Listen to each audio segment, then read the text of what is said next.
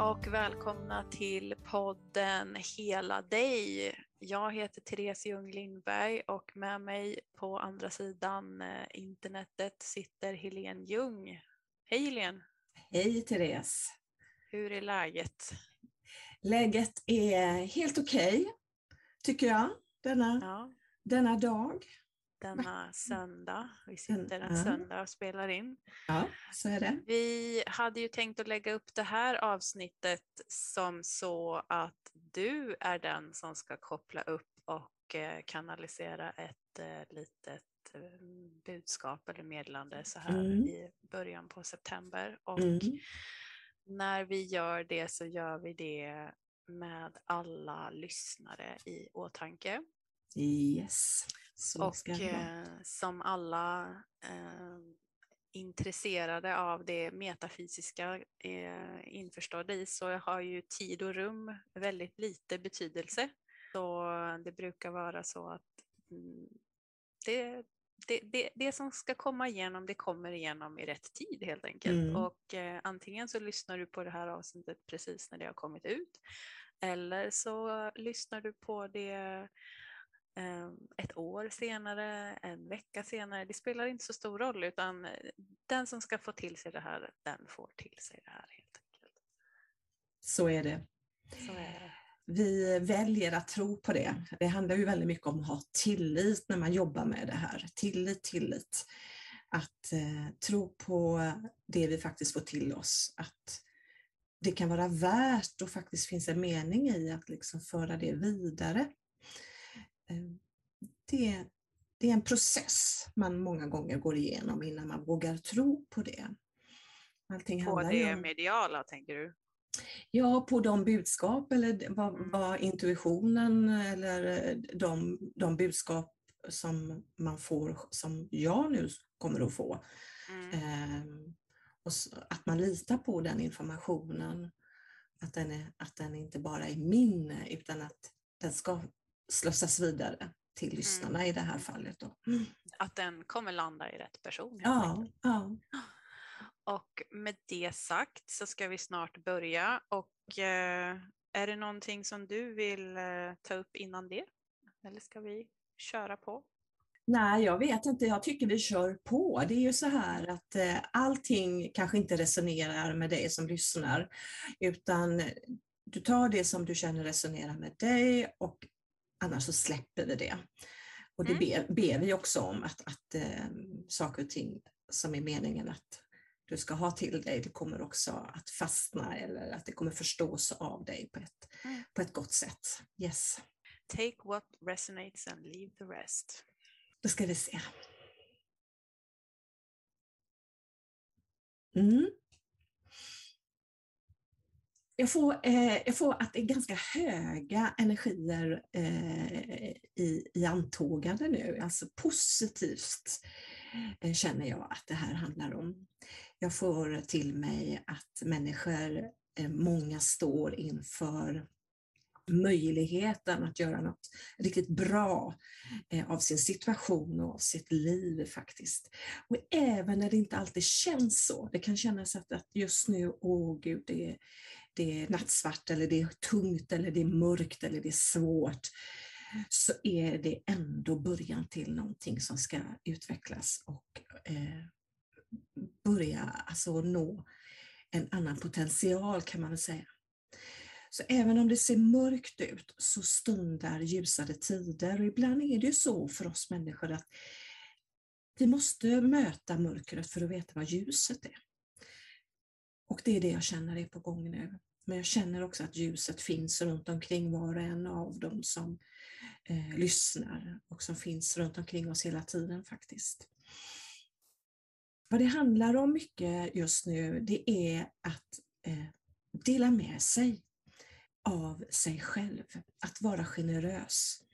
Och då kanske jag inte menar det materiella, det kan det vara det också i och för sig, men att det handlar väldigt mycket om att man ska dela med sig av sin tid, av sin lyhördhet för sin nästa. Men också dela med sig till sig själv, det låter ju jättekonstigt, men det är att ge sig själv fokus. Mm, lyssna in sin kropp och sin själ. Hur har jag det idag egentligen? Hur mår, hur mår jag? Att jag är, på det sättet också blir en bästa vän till mig själv. Väldigt många människor rusar in i nya saker. Det är en period eh, på året där det är mycket uppstart för många. Det, det, kan vara nya jobb, det kan vara nya studier, nya skolor och utbildningar med mera.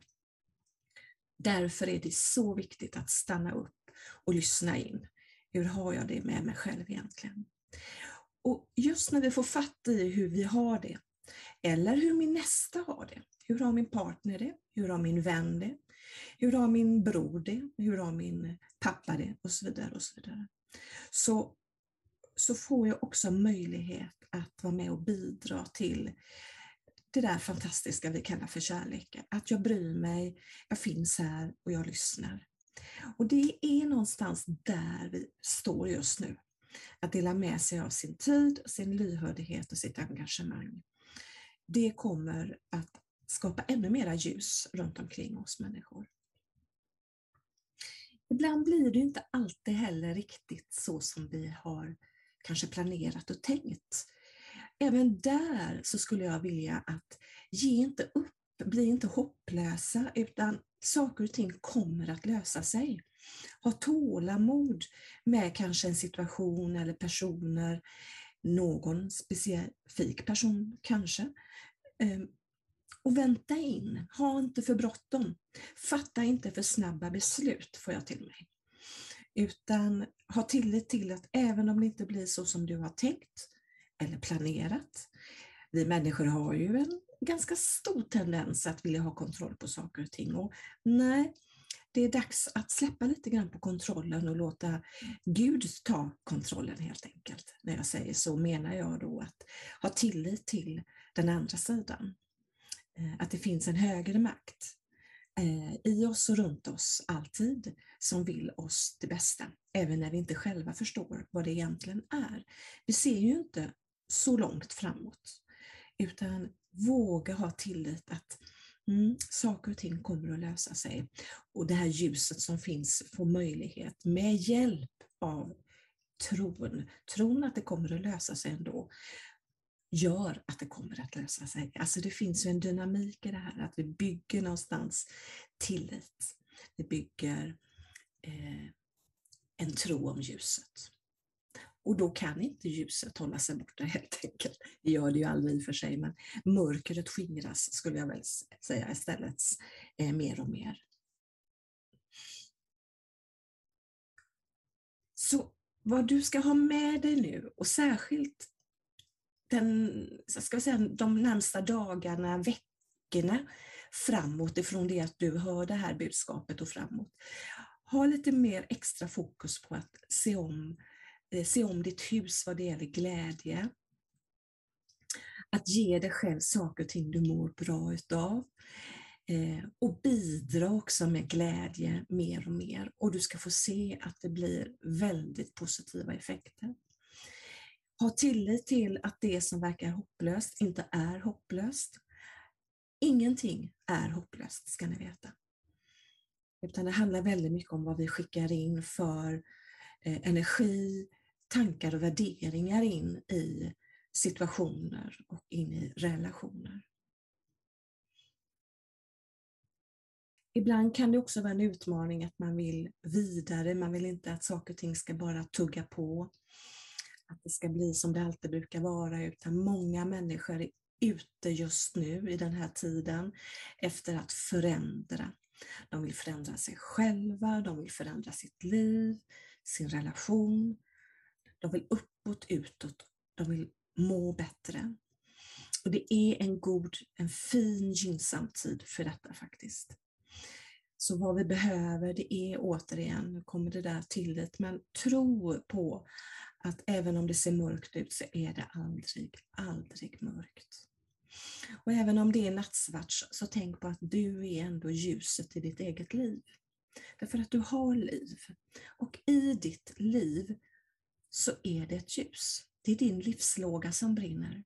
Och så länge du lever så finns det ljus, det finns hopp och det finns liv. Det kan aldrig någon ta ifrån dig. Så det är viktigt någonstans som att vårda din låga och nära den med det som ger dig glädje. Nära din låga till det som är gynnsamt för dig, roligt. Ah, ha kul helt enkelt. Det är mycket det det handlar om. Att våga släppa loss och släppa kontroll kanske. Ehm, för mycket kontroll, för mycket planering, många gånger blir väldigt tråkigt. Så jag skulle vilja säga att släpp allt det där och våga göra lite eh, wild and crazy. lite roliga, kanske annorlunda saker för att också få nya annorlunda resultat. Mm. Så det känns väldigt gynnsamt nu, så här i början på september känner jag att ljuset knackar på och väldigt mycket, ja jag får glädje, framgång, positivitet och mm, ett, eh, det är ett nyskapande som ligger. Kanske är det både nytt, eh, nytt som blåses in, in i dig som lyssnar och in i dina relationer. Mm det finns alla möjligheter till att, att eh, bygga det här nya, fantastiska. Det viktiga är att du tror på det och att du inte förhastar dig och gräver ner dig i det där som ibland känns mörkt. För um, mörkret just som du upplever just nu är, med all respekt dock, är en illusion. För vi är ljus. Och vi är ljusvarelser. Och du får aldrig, aldrig glömma det.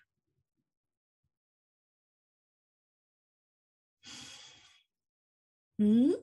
Där tackar jag för det. Mm. Vad ja. fint. Hur kändes det? Det kändes jättebra. Ja. Och väldigt eh, väldigt självklart på något sätt. Tycker jag, jag. jag hör på din röst nu att du har gått upp i energi. Ja. hör nu att du är liksom lättare, uh. lite, liksom, jag vet inte, blommig i rösten. Jajamensan, jajamensan. Det är väldigt visuellt. Uh. Vad fint. Alltså, det, det som slår mig är ju att, att det här är så, så snarlikt det som vi har pratat så mycket om tidigare, det här att välja det som är roligt och, och, och glädjen i ens liv. Tror du mm. att det är någonting som vi, alltså som, som de andra, på andra sidan menar jag, som de fortsätter att påminna oss om? Alltså, mm. Är det någonting som vi glömmer bort? Ja, ja, absolut. Jag tror att vi kanske i stunder och, och alldeles för mycket egentligen tar livet för givet. Att vi tycker det ibland är tråkigt med livet och att vi inte ens vill vara i livet. När livet egentligen är den absolut största gåva universum kan ge oss. Mm. För vad vore någonting om det inte var liv? Då är du dött va? Så, ja, om ens dött. Alltså dött ja. tänker jag också indikera på att det har varit vid liv någon gång. men då är det ju bara ingenting egentligen. Nej. Och det är väl det vi behöver påminna oss om, att ja. vi behöver titta ibland på hur fantastiskt det egentligen är, våran jord, våran kropp eh, och det vi är med om, våran natur och att vi själva är medskapande i detta. Mm. Är det inte fantastiskt egentligen? Alltså? Varför tror du att vi glömmer bort det då? Jag tror det handlar om att våran hjärna har ju den här tillvänjningsprocessen hela tiden igång. Va? Vi normaliserar och vi vänjer oss precis vid allting. Och det är därför jag känner in det, att jag tror jag fick med det i budskapet här, att, att ibland måste vi möta mörker för att sen uppskatta ljuset. Mm. Och det är ju det, vårat liv, livet överhuvudtaget, är dynamiskt. Det är både och. Det är både mm. yin och yang, ljus och mörker, eller hur? Ja, ja. as above, so below. Så är det. Mm. Och ibland så möter vi det som är svårt för att sen faktiskt kunna veta överhuvudtaget vad det är som är bra. och, och, Vi får bara påminna oss om det, att när vi tycker att det är tungt, mörkt, kört, hopplöst på olika sätt, att det är för att jag snart, snart ska få upptäcka motsatsen.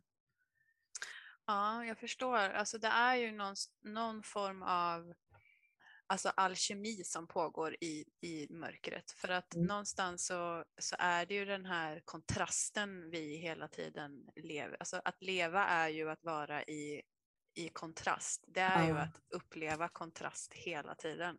Mm. Och Alltså, det som är så märkligt på det sättet är ju att jag ofta upplever och pratar med människor som de vill inte erfara den här starka glädjen eller de starka känslorna utan de är helt okej okay med att befinna sig på eh, lagom spektrat så att säga. Vad har du för tankar om det? Att, att vara sådär lagom och, och på, på mitten? För det första är vi vi människor är ju lite olika hur vi är i vårt känsloliv. Det är ju faktiskt genom våra känslor vi upplever saker och ting, eller hur? Inte bara med eh, visuellt eller audiellt utan även känslomässigt. Jag tror väl någonstans att när jag upplever någonting med starka känslor så kan det vara skrämmande men det kan också vara helt underbart. Jag tror Men ibland att den... kan ju sånt också bli för, för intensivt. Det kan ju bli uh-huh. för ansträngande och därför så är det så skönt för många som bara de, de föredrar att tuffa på där i, i mjöl, mellanmjölken. Liksom. Och det, men tror du att det är att de är mer benägna då att ta saker för givet då eller ta livet för givet? Alltså att, hur, hur, vad tänker du där? Alltså får du till dig någonting kring det? Så jag tror ibland, det kan vara lite olika anledningar till varför människor trampar på i någon slags lagom värld. Mm. Eh, det kan vara både att de är rädda för att, uppleva någonting för starkt, att det finns en bortträngning, en liten förträngning, kanske ett skydd, ett försvar. Mm. För att de har tidigare varit utsatta och det har gjort väldigt ont. Mm. Och därför vill de inte riskera att bli så sårbara igen så att man, man stänger ner det kan vara en variant. Sen tror jag att en del människor de tuggar på för att de är i görande prestation hela tiden. De håller på, de gör och gör och gör och inte stannar upp för att känna efter och att faktiskt reflektera över vad är det som händer i mig och runt mig och med mig. Mm. Eh, och, och få fatt i sig själv någonstans mitt där i dagen i på jorden, i universum. Alltså, ja, att vi, är så, vi, vi, går som små arbetsmyror och går våra små gångar där, fram och tillbaka, fram och tillbaka. Och denna tendensen har vi ju alla, va? Mm. att vi, vi blir så upptagna med det lilla i livet och, och, och det gör ju att vi någonstans inte ser det stora. Vi behöver mm. lyfta blicken. Tänker du eh. att det skulle kunna vara som ett slags eh, skydd det kan vara ibland både ett medvetet skydd och ett omedvetet skydd. Mm, att hålla sig sådär kroniskt upptagen ja, kan vara ja. en försvarsmekanism. Liksom. Absolut. Många, alltså det vet vi väl att, att eh, man flyr ifrån eh, vad det nu är, känslor, bearbetning, sorg, så flyr man in i att ständigt vara i ett görande och hålla på. Det är det ena projektet efter det andra och man stannar inte upp. Då blir det en flykt ifrån sig själv och sitt inre. Och det är aldrig, aldrig bra. Det är aldrig bra att vara i en flykt. Eh, för vad är det man flyr ifrån? Varför springer man ifrån sig själv? Eller hur? Det blir inte bra. Men tänk om det är så här då, att man stannar upp och tar in var man befinner sig, hur man mår, hur, vad ens känslostatus är. Och så mm. upptäcker man att man mår skit. Ja. Vad ska man göra då? Då blir man ju lite så här, ah, vad fan, varför stannade jag upp för? Jag skulle bara ha fortsatt köra på. Nu blir jag så här medveten ja. om hur jag mår och nu måste jag ta tag i det. Du, jag tror det är jättemånga människor som på någonstans vet detta. Ja. Om, om jag nu stannar upp här så kommer ja. jag att få möta det, det har jag inte tid med eller det orkar nej, jag inte ork, just nu. Jag har inte råd. Nej, nej, precis. Och det är ju det att vi, vi kan, men vi kan ju aldrig lura oss själva hur länge som helst. Vad tror du det kan ta sig för uttryck då i så fall? Alltså om man, om man lurar, fortsätter att lura sig själv? Jag tror ju att ångest, sömnsvårigheter, mm. ökat behov av att trösta sig med andra saker, alltså döva sig själv. Det kan vara mat, det kan vara alkohol, det kan vara ja, whatever. Eh, det, kan vara, det kan vara symptom på att man eh, för, försöker döva sig själv. Mm. Jag tror också att, att saker och ting, att man pyser, eh, pyser ut frustration, irritation, kan också vara typiska symptom på att det är någonting som behöver tittas på men man, inte, man ger sig inte tid att göra det. Mm. Eller ibland kan det kanske till och med bli fysiska sjukdomar. Jag tänker magen är ju sånt här, huvudvärk, eh, muskelvärk, alltså mm. psykosomatiska åkommor helt enkelt kan vara absolut symptom på att man går omkring och är för stressad eller eh, i flykt på något sätt.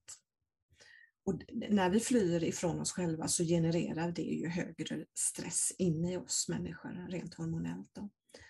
Och det mm. påverkar oss på många olika sätt.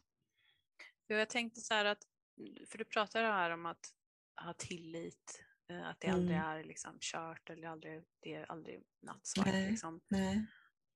Så nämnde du Gud också. Va, va, va, mm. va, vad har Gud för, för roll i det här? Alltså är, det, är, liksom, är, det, är det det att Gud blir som ett samlingsnamn på det? Att är den här kraften som är större än oss? Mm, mm, precis.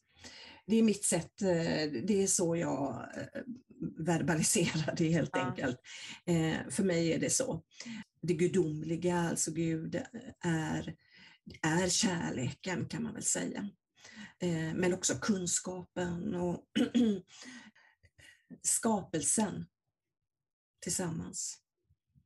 Eh, och det vill, alltså Gud vill oss väl och vi är omgärdade av detta, denna energi.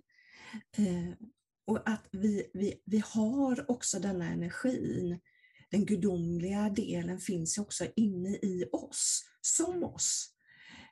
Och att när vi kommer i kontakt med den den aspekten av oss själva, det är ju då vi upplever det där fantastiska som frid och klarsynthet och eh, villkorslös kärlek och att allting blir väldigt tydligt och klart.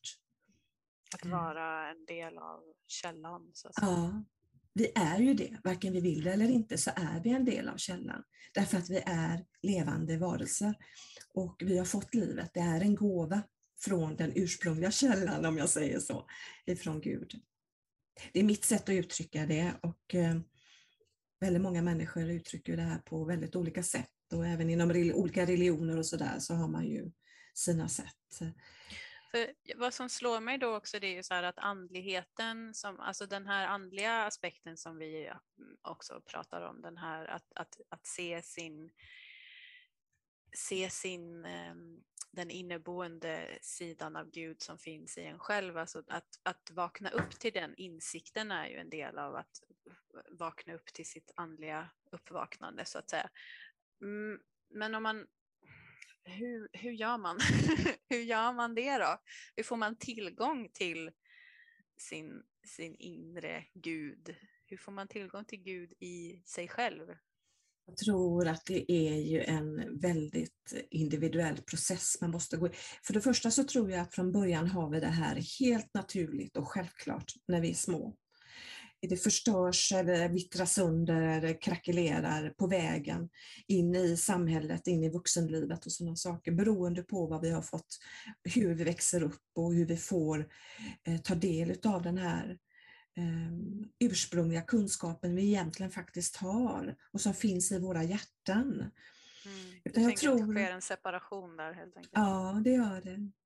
Och jag tror att hela, egentligen handlar livet om att komma tillbaka till, ifrån att inte känna sig separerad ifrån sig själv. Och det är egentligen det det gör. Sen finns det olika verktyg och metoder och, och man kan, alltså meditation vet man ju är en sån del där man kan i stillheten och i att tysta chattret, alltså det mentala chattret, mm. är ju ett sätt för oss att komma i kontakt med varandet, stillheten inne i oss och det är liksom en ingång i de innerst, till de innersta rummen. Och någonstans är, det, är, det, är det där du tänker då att man, man, man hittar den glädjen som man sen ska bidra ja. med? Ja, det är det man gör. Va? Och jag kan säga så här, det låt, kan låta så avancerat, det behöver inte vara det. Alltså när vi känner riktig glädje, på riktigt, på riktigt, riktig glädje och skrattar och känner att det här, åh vad roligt, åh vad härligt, då är jag i kontakt med mitt sanna jag. Men det är ju så sällan. Alltså jag kan ju känna så här att det är så himla sällan jag är det. Är du Just. det? Är du där ofta? I den sanna glädjen? Ja, jag kan väl säga så här att jag är ju där mycket, jag skulle önska jag var där ännu mer, men jag är ju där mycket mer idag än vad jag var när jag var yngre. Ja. Så var det, så, eller så är det för mig i varje fall. Men det är ju för att jag, för mig har det ju varit en väldigt medveten resa som påbörjades när jag var runt 30. Jag hade ju inget val, apropå det här att man går in i ett mörker. Det gjorde ju jag väldigt eh, påtagligt. Och där hände ju någonting med mig. Där jag var jag tvungen att, att lägga bort hela gamla självbilden utav Helene och bygga en ny självbild eh, utifrån vem jag egentligen är. Det var som en död helt enkelt. Ja, jag kan, det, det, är väldigt mycket det. Alltså, döden är ju många gånger en symbolik för att man släpper taget om något gammalt för att välkomna någonting nytt. Ja. Precis som hösten är en form av att alltså man säger adjö till det gångna året för att till våren, efter vinterdvalan och sömnen, så kommer naturen spira igen. Och jag tror att vi måste ibland gå igenom de här små dödarna, kan vi mm. kalla det för kanske. När saker och ting händer i våra liv som gör att jag måste ta adjö från någonting. Det kan vara människor och det kan vara eh, situationer, det kan vara ett boende, ett arbete, det kan vara saker och ting som händer med vår hälsa och, och så vidare som, gör, som tvingar mig att möta mig själv eh, naket.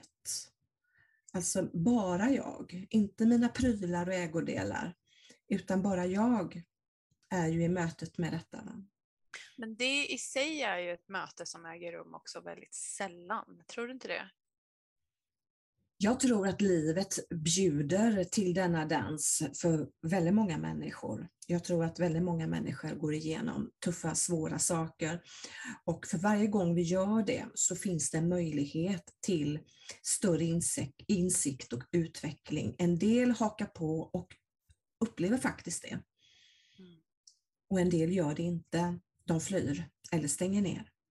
Om vi pratar så här om, om på tal om att stänga ner, Alltså det här med att liksom bara ren överlevnad. Att ibland så är det som att ibland måste livet bara ticka på. Ibland måste man bara överleva och man, man det finns ingen tid och det finns inget utrymme för mm.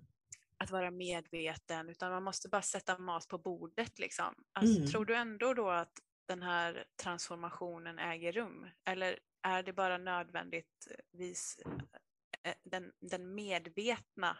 Transformationen mm. som gills. Det tror jag. Sen är det ju så, precis som du säger, ibland hamnar vi i en situation där man inte har möjligheter att göra kanske ett medvetet arbete med sig själv. Eh, utan man måste vara i den här lunken av måsten och krav och vardag och sätta mat på bordet och sådär.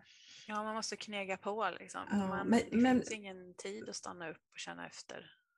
Men jag tror absolut, gör inte du det också, att oavsett om vi gör det medvetet eller inte, så utvecklas vi människor bara för att vi, vi, vi, vi lever ett liv, vi går igenom mm. saker och ting.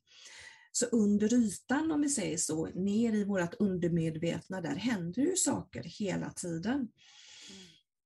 Ibland så knackar det undermedvetna på det medvetna. Många gånger så behöver vi stanna upp och lyssna in oss själva. Inte sällan om vi har ångest eller vi mår faktiskt psykiskt dåligt, så kan det vara en ingång till att faktiskt stanna upp. Då vill vi säga någonting till oss själva. Det är känslor ja. som inte uttrycks eller som inte får, får, komma upp till ytan eller annat som, som väntar på att få bli bemött helt enkelt. Va? För jag kan ofta känna så här att när jag går igenom någonting mm. eh, och det pågår i nuet så är det som att det, på sättet som jag bearbetar det på är genom drömmar. Jag, alltså jag sover och jag drömmer mycket. Mm. Och sen så är det lite det här knega på i vardagen och sen så somnar jag och så drömmer jag igen intensivt och, jag, och det är ju det undermedvetna som, som processar liksom. Men sen är det ju ofta också så att alltså det är först i retrospektiv som jag kan se att jag har vuxit ur en situation eller att jag har lärt mig hantera någonting, eh, mm. alltså triggers och irritationer mm. och allt sånt. Alltså, det, är ju, det är ju sällan i situationen som, som man är medveten om sin utveckling, eller hur? Mm, nej, så är det ju. Och det, det, är väl att, ibland är det väl att andra människor märker andras utveckling mer än vad man själv gör ibland. mer än sin egen. Ja. ja, för du lever ju alltid med dig själv. Det är ett visst, en viss fördröjning. ja. ja. Vi upplever ju världen inifrån, mm. inte utifrån. Um, medan vi, när vi tittar på andra så ser vi ju då utifrån på någons agerande, beteende, uppförande och så vidare. Det är ju det vi märker av. Ehm, och ibland blir det tydligare när vi tittar utifrån på en, en individ. Tror du att det underlättar om man har liksom en, en slags tillit till att livet är större? Jag tänker när du mm. i din roll som samtalsterapeut, alltså när du, mm. du måste ju möta människor av olika, vad ska man säga, övertygelser. Ja en del kommer väl till dig och är väldigt övertygade om livets eh, magi och storhet. Men mm. tar du emot några skeptiker? För jag tänker liksom det här att vara medveten om sin egen utveckling och att, att vara medveten om att saker och ting, att det finns en, en ett högre syfte med våra mm. relationer och vår utveckling och sådär. Alltså, hur, hur är det att möta en skeptiker när, alltså, på det sättet. Förstår du vad, vad jag menar? Ja. Alltså, det kan hända att jag möter skeptiker eh, på det sättet att de tror inte på något mer än det som är och så är det bra med det. Men de allra flesta, de är väldigt öppna, även om de inte själva har utforskat den andliga dimensionen av sig själva eller livet så är de ändå väldigt öppna och, och lite nyfikna på och, och lite mm, tycker det är lite spännande att det finns då det här större sammanhanget. Mm. Lite att, att man kan se att man kan zooma ut och se att, att vi är kanske bara brickor i ett spel någonstans eller pusselbitar som jag brukar säga i ett mer större och komplex bild. Men att varje pusselbit är så ofantligt viktig. För utan den så är inte den stora fantastiska bilden, den blir ju inte komplett då. Spelar det någon roll vad man tillskriver det här då? Det kanske det inte gör. Det kanske får lov att vara liksom vetenskap och rymden och det som går att bevisa. Det kanske kan vara magi och, och andligt för en person och så får mm. det vara troll och älvor för någon annan. Förstår du vad jag menar? Ja, men det handlar väl lite grann om hur vi försöker själva förstå saker och ting. Ja. Hur det egentligen är, det kanske inte någon av oss egentligen vet. Och är det någon som säger att de vet exakt, då, då blir jag lite skeptisk. Mm. Eh, utan jag tror att vi får ha en öppenhet för hur det egentligen ligger till jag tror det är så här att det får vi veta. Vi, får, vi kommer få en inblick i det när vi går över när vi lämnar det här livet, då kommer vi tillbaka i den här ursprungliga energin, alltså kärnan, kärleken, det gudomliga. Och där vet vi. Där vet vi. Men när vi är här i ett jordeliv så tror jag inte vi ska veta allting fullt ut. vi får lite indikationer, vi får lite tecken, vi får lite budskap, vi får, och vi, det gör någonstans, men hur det verkligen är, det vet ju ingen människa. Liksom. Och därför så kan man heller då inte förstå eh, helhetsbilden då, tänker du? Nej, precis. Ja. Utan det är någonstans att vi, får, vi kan få till oss att det, det är så här det ligger till. Men exakt hur och varför och, och så vidare, att det är förborgat någonstans. Eh, det är en högre kunskap som vi kanske får till oss någon annan gång. Så. Eller så har vi den kunskapen, vi har den redan i vår innersta eh, core, alltså i vår innersta kärna så finns den kunskapen.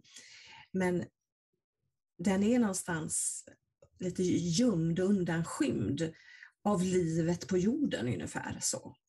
Är det där man skulle kunna hitta sin eh, gudsdel? Ja, det är väl samma kärna tänker jag det har att göra med. För man får ju mycket, det finns ju en klarsynthet också i det här när vi möter de här, den här sig själv då, det sitt sanna jag. Eh, så blir allting väldigt självklart och naturligt och det blir väldigt tydligt. Och man, men man, det är, mm, men vad jag skulle vilja säga med det här är någonting som måste upplevas. Alltså det är ingenting man kan läsa sig till eller eh, förstå hur, bara för att någon annan, ja man kan ana någonstans när någon berättar och så vidare. Men det här är någonting som var och en måste utforska på egen hand. Och det gör man genom livet? Livets eh, berg och dalbana? Ja, man kan ju börja med att stanna upp och reflektera lite över sig själv och sitt liv och, och se, alltså höja blicken lite grann och titta sig omkring. Eh, och se det där fantastiska. En vacker solnedgång. Och någonstans, där tror jag vi kommer i kontakt med den där känslan att det ligger någonting i våran eh, DNA. Att mm. människor älskar solen och soluppgångar och solnedgångar och solen i liv. Det är någonting vi bara vet, vi bara känner det. Vi kan inte, alltså många poeter har försökt att sätta ord på detta men det är en upplevelse som man bara måste få vara med om helt enkelt. Min upplevelse är att känslan av att vara förundrad som jag känner är mm. närmast en gudomlig kontakt. Mm.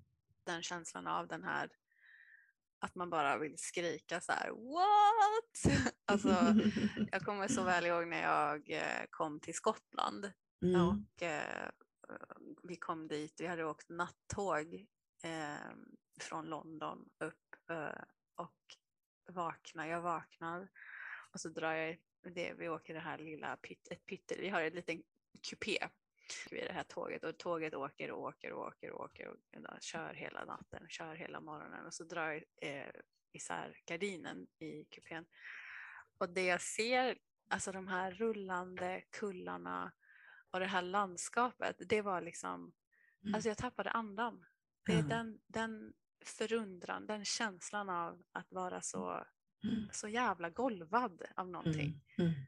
Där där kom du, ja, och ja. där kom du i kontakt med någonting. För ja, det är ju i dig och din upplevelse av det här landskapet som pratar med dig. Va? Ja, ja, ja. Mm. Alltså, och det, det är ju också någonting som gör att det, det är svårt att, att, glömma det. Det är svårt mm. att glömma den stunden när man mm. vaknar. Alltså, för att och, och, det som är så lustigt är ju så här att jag tänker de människorna som kör det här tåget som har sett de här kullarna mm. varje dag, kanske två gånger om dagen, som kör mellan Fort William och, och Edinburgh. Alltså de, Alltså, de kan inte förstå min upplevelse och jag kan inte förstå att det är deras vardag men ändå så är vi förenade på det här tåget samtidigt och vi, mm. vi delar den upplevelsen men jag har en gudsupplevelse det, och, det, och det är där det blir så, mänskligt på något sätt. För att det är där vi också har kontrasten, mm. tänker jag. Det är där det någons vardag är någon annans liksom, andliga uppvaknande och någon mm. som brister i tårar över hur, hur vackert eh, liksom, landskapet är. Och det vi tittar på är liksom en gul kulle, typ. Alltså, de var så här, men vad är det hon, vad håller hon på med? Så här, Is she okay? Mm. alltså, um, ja, och det, och det behöver där... ju inte vara Skottland som man upplever. Det kan vara att man tittar Nej. in i en ros ja, eller att man ja, ser ja. Eh, vattenkrusningar på havet som blänker. Eller, mm. Det är liksom den, det är någon slags skärningspunkt som uppstår i en närvaro och just den här förundran då kanske vi ska närma oss slutpunkten. Det tycker jag att vi ska göra. När vi rundar av det här eh, avsnittet av Hela dig. Och eh, är det så att du vill ställa några frågor så får du jättegärna göra det. Det går att göra anonymt på Möte och menings hemsida. Då är det möteochmening.se och på startsidan kan du hitta eh, en knapp där det står podcast så mm. gärna fylla i formuläret där. Annars så finns vi på Instagram och då är det podcasten Hela dig, eller? Ja, stämmer. Ja. ja. Och eh, vi ska gå in i en ny vecka. Jag eh, har börjat en skrivkurs som är väldigt rolig mm. och eh, ska sätta mig nu här och ta en liten kopp te och läsa lite i min bok. Vad ska du göra? Eh, jag ska äta lite sen kvällsmat. Um, var på 60-årskalas igår, hade riktigt roligt faktiskt. Ja. ja. Så, att, um, mm, så det blir nog en liten lugn kväll tänker jag. Mm. Då får du passa på att stanna upp då. Ja. Och det här är faktiskt, att spela in de här avsnitten känner jag att det är en form av att stanna upp. Vi försöker dessutom sätta ord på saker och ting, men det känns, det är verkligen för mig och kanske för dig också då Therese, men det är ett sätt att stanna upp. Mm. Ja, det är ett sätt att reflektera, absolut. Ja, och det, då får man stanna upp. Då släpper vi ju allt andra. Mm, precis. Mm, mm. All righty. Tack för idag och eh, vi önskar dig som har lyssnat en eh, härlig vecka framöver och eh, ha det gott tills vi hörs igen. Tack ska du ha. Hej då.